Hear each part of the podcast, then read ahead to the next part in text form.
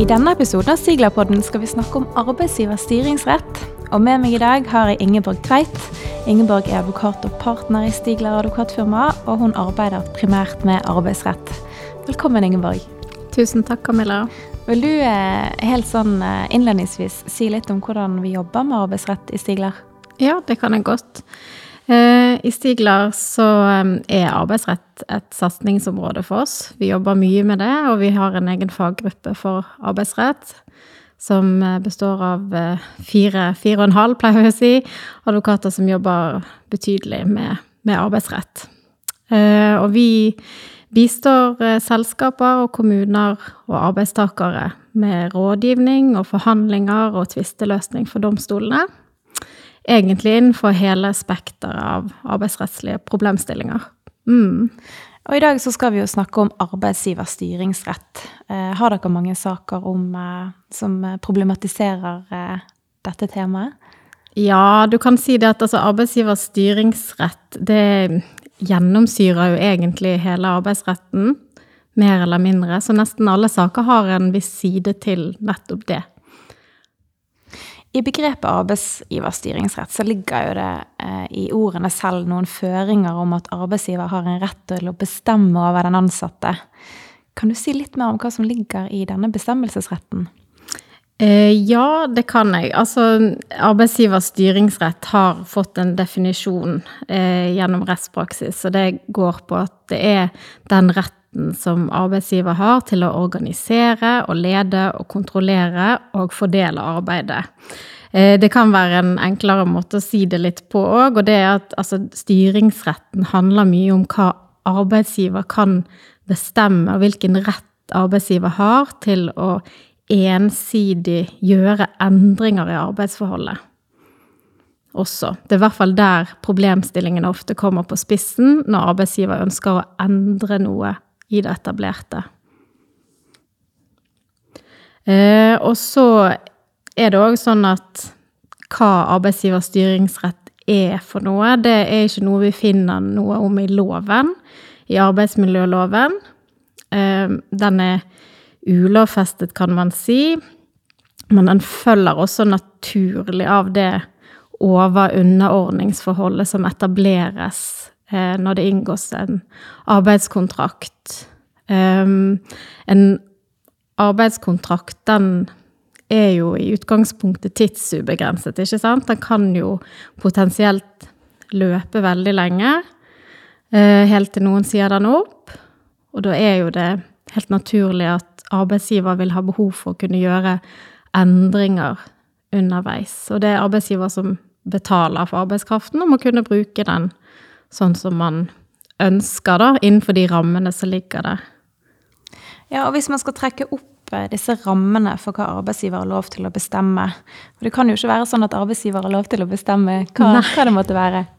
Nei, det er jo kanskje noen som tenker at man kan det eh, av arbeidsgiverne. Men, men um, arbeidsgivers styringsrett den har klare begrensninger, det er helt riktig, Camilla. Og den begrenses jo først og fremst av arbeidsmiljøloven, ikke sant?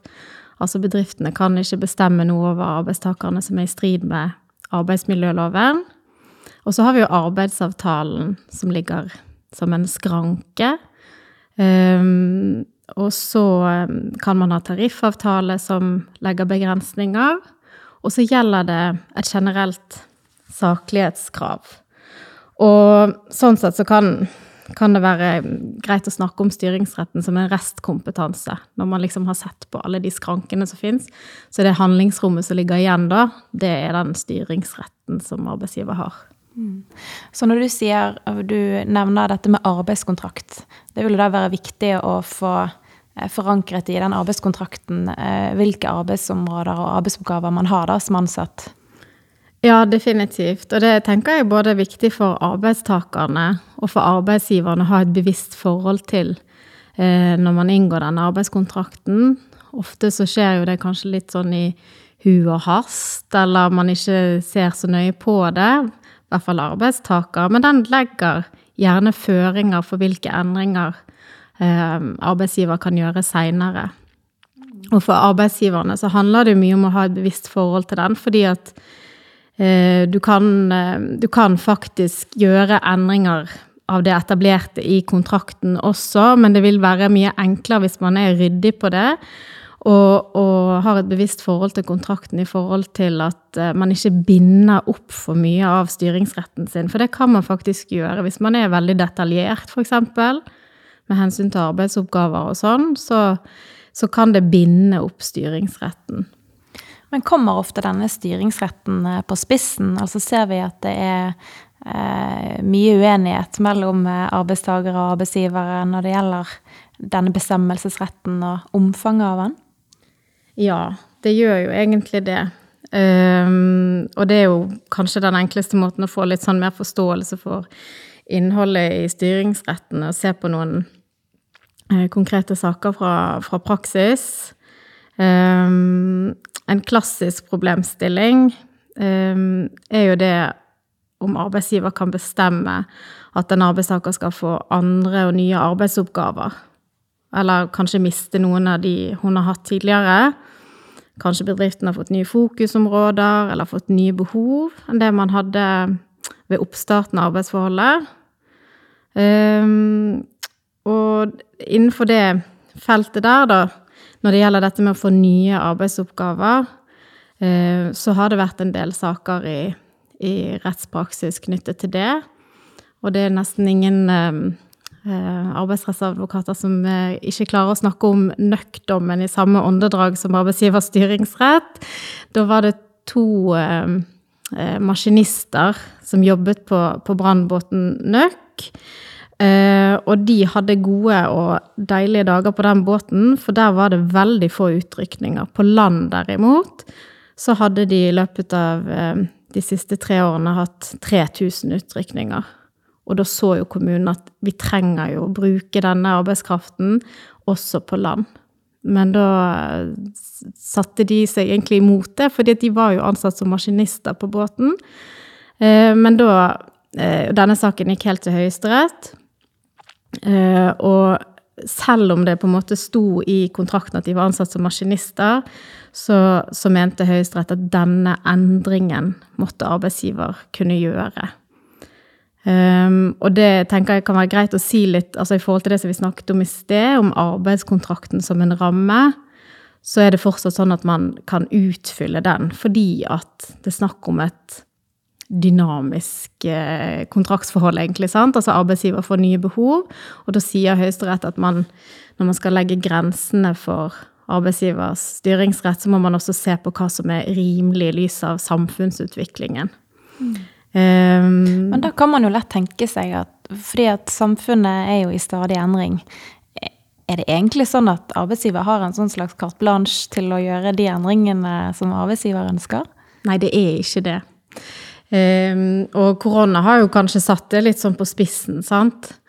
Um, sånn at eh, Men det er klart at uh, endringer og sånn vil jo på en måte kunne legitimere uh, et behov hos arbeidsgiver, men fis, altså de må forholde seg til skrankene, og um, arbeidsavtalen er helt sentral, sånn at man må være bevisst på det.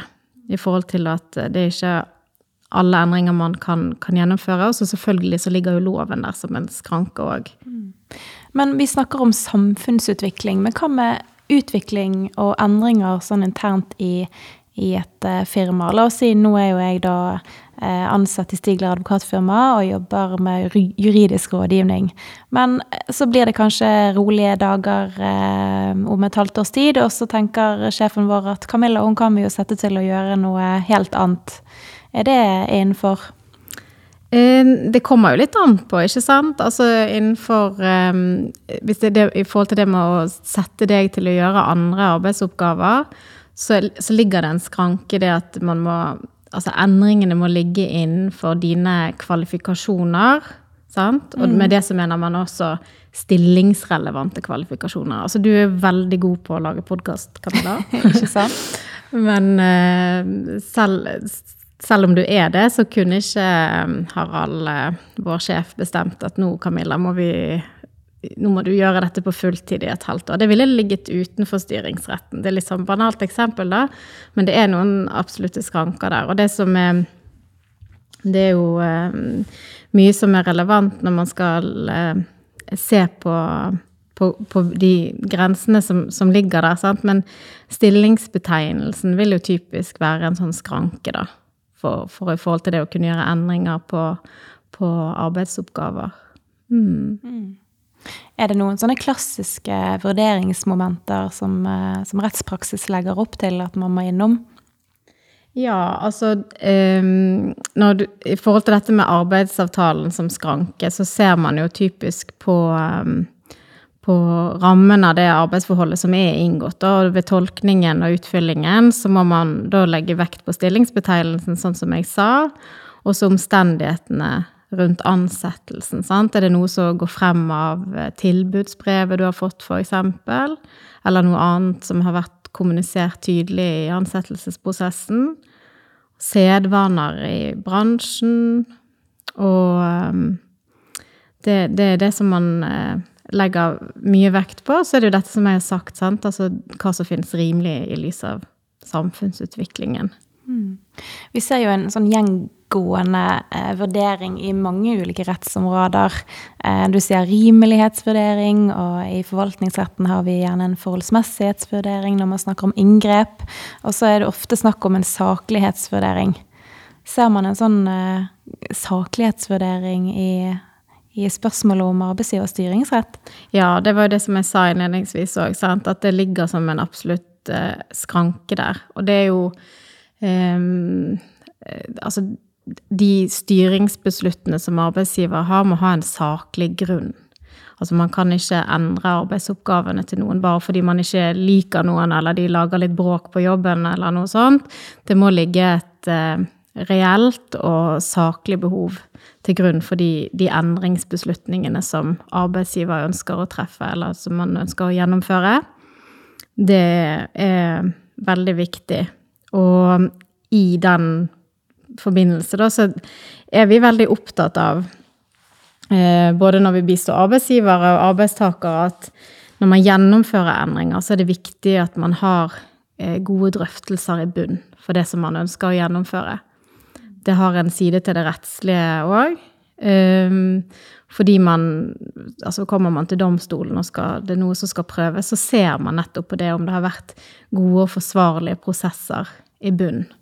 Så hvis du skal råde en, en arbeidsgiver da, eh, som vurderer nå om han eller hun skal endre et arbeidsforhold innenfor arbeidsgivers styringsrett, vil, hvordan ville du gått frem? Nei, Det blir jo en veldig konkret vurdering. Og så må man for det første se på hva man ønsker å, å gjennomføre. Eh, og så må man se på de skrankene som ligger der. Ligger, er dette et handlingsrom vi har innenfor de rammene som vi har snakket om nå? Og så ikke minst drøfte og ha dialog med de ansatte, eller den ansatte som det gjelder. Mm. Så det blir en konkret vurdering? Det er en konkret vurdering. Og så er det klart at med en gang man skal begynne å gjøre endringer i arbeidsoppgaver som innebærer en nedgradering, så er vi over på det som vi eh, kaller for endringsoppsigelse. Da ligger det utenfor arbeidsgivers styringsrett, men det er også noe man kan ha handlingsrom til å gjennomføre. Men da må man ha en saklig grunn, som, og, og det er en ganske strengere vurdering da, enn hvis det ligger innenfor styringsretten. Og så er det jo litt viktig å få frem at dette gjelder jo ensidige endringer. Mens man eh, i fellesskap eh, som arbeidsgiver og arbeidstaker, så kan man vel avtale det man ønsker. Ja, det er nettopp det. Altså, en sånn samtykkebasert modell kan jo ofte være vel så god å forsøke seg på å gjennomføre det med, med en samtykkebasert modell først. Um, det skulle jeg si litt i sted, altså, det, for det handler jo litt om at det er jo beslutninger som bedriften og de ansatte skal leve med over tid. Hvis man er involvert, om man har samtykke, så er det ofte sånn at disse beslutningene også fungerer over tid mye bedre, ikke sant? Eh, og så er det sånn, altså Hvis man òg vurderer at dette som vi ønsker å få gjennomført, ligger utenfor styringsretten, så, så er man over på at da må vi prøve å få de ansatte med oss. Og altså, har du vært på Teaterkafeen, Camilla, i Oslo? det har jeg. Har du? Men der var det i hvert fall eh, Det var det det man prøvde på først. For der var det sånn at servitørene de hadde i 70 år så hadde de hatt veldig god ordning, for de stukket all tipsen i lommen sin. Eh, men så ble det litt sånn misnøye. Kokkene ble misfornøyd, og andre som jobbet der, ble litt misfornøyd. For de så jo det at sånn var ikke det andre steder. Kanskje vi deler tipsen? Og ledelsen gikk da liksom inn og prøvde å få til en sånn samtykkebasert modell på altså det er rasjonelt, andre gjør det, kan ikke vi dele tipsen her òg? Men servitørene de satte foten ned. Sånn har vi hatt i 70 år, sånn vil vi ha det. Eh, de tjente for øvrig nesten like mye som statsministeren. Det var så gunstige sånn skatteordninger på det også. Så det var jo ikke rart at de strittet imot. Men da satte arbeidsgiver foten ned, og istedenfor gikk liksom fra en sånn samtykkebasert modell og satte foten ned, brukte strenge stemmen, styringsretten, og sa at nei, sånn blir det. Men vi innfører det over tid, da, sånn at det ikke skal være så, så ha, ramme dere så hardt umiddelbart. Og det gikk helt til Høyesterett. Og um, da så de jo eh, skulle jo vurdere da, om det lå innenfor styringsretten å treffe en sånn beslutning om at de skulle dele tipsen.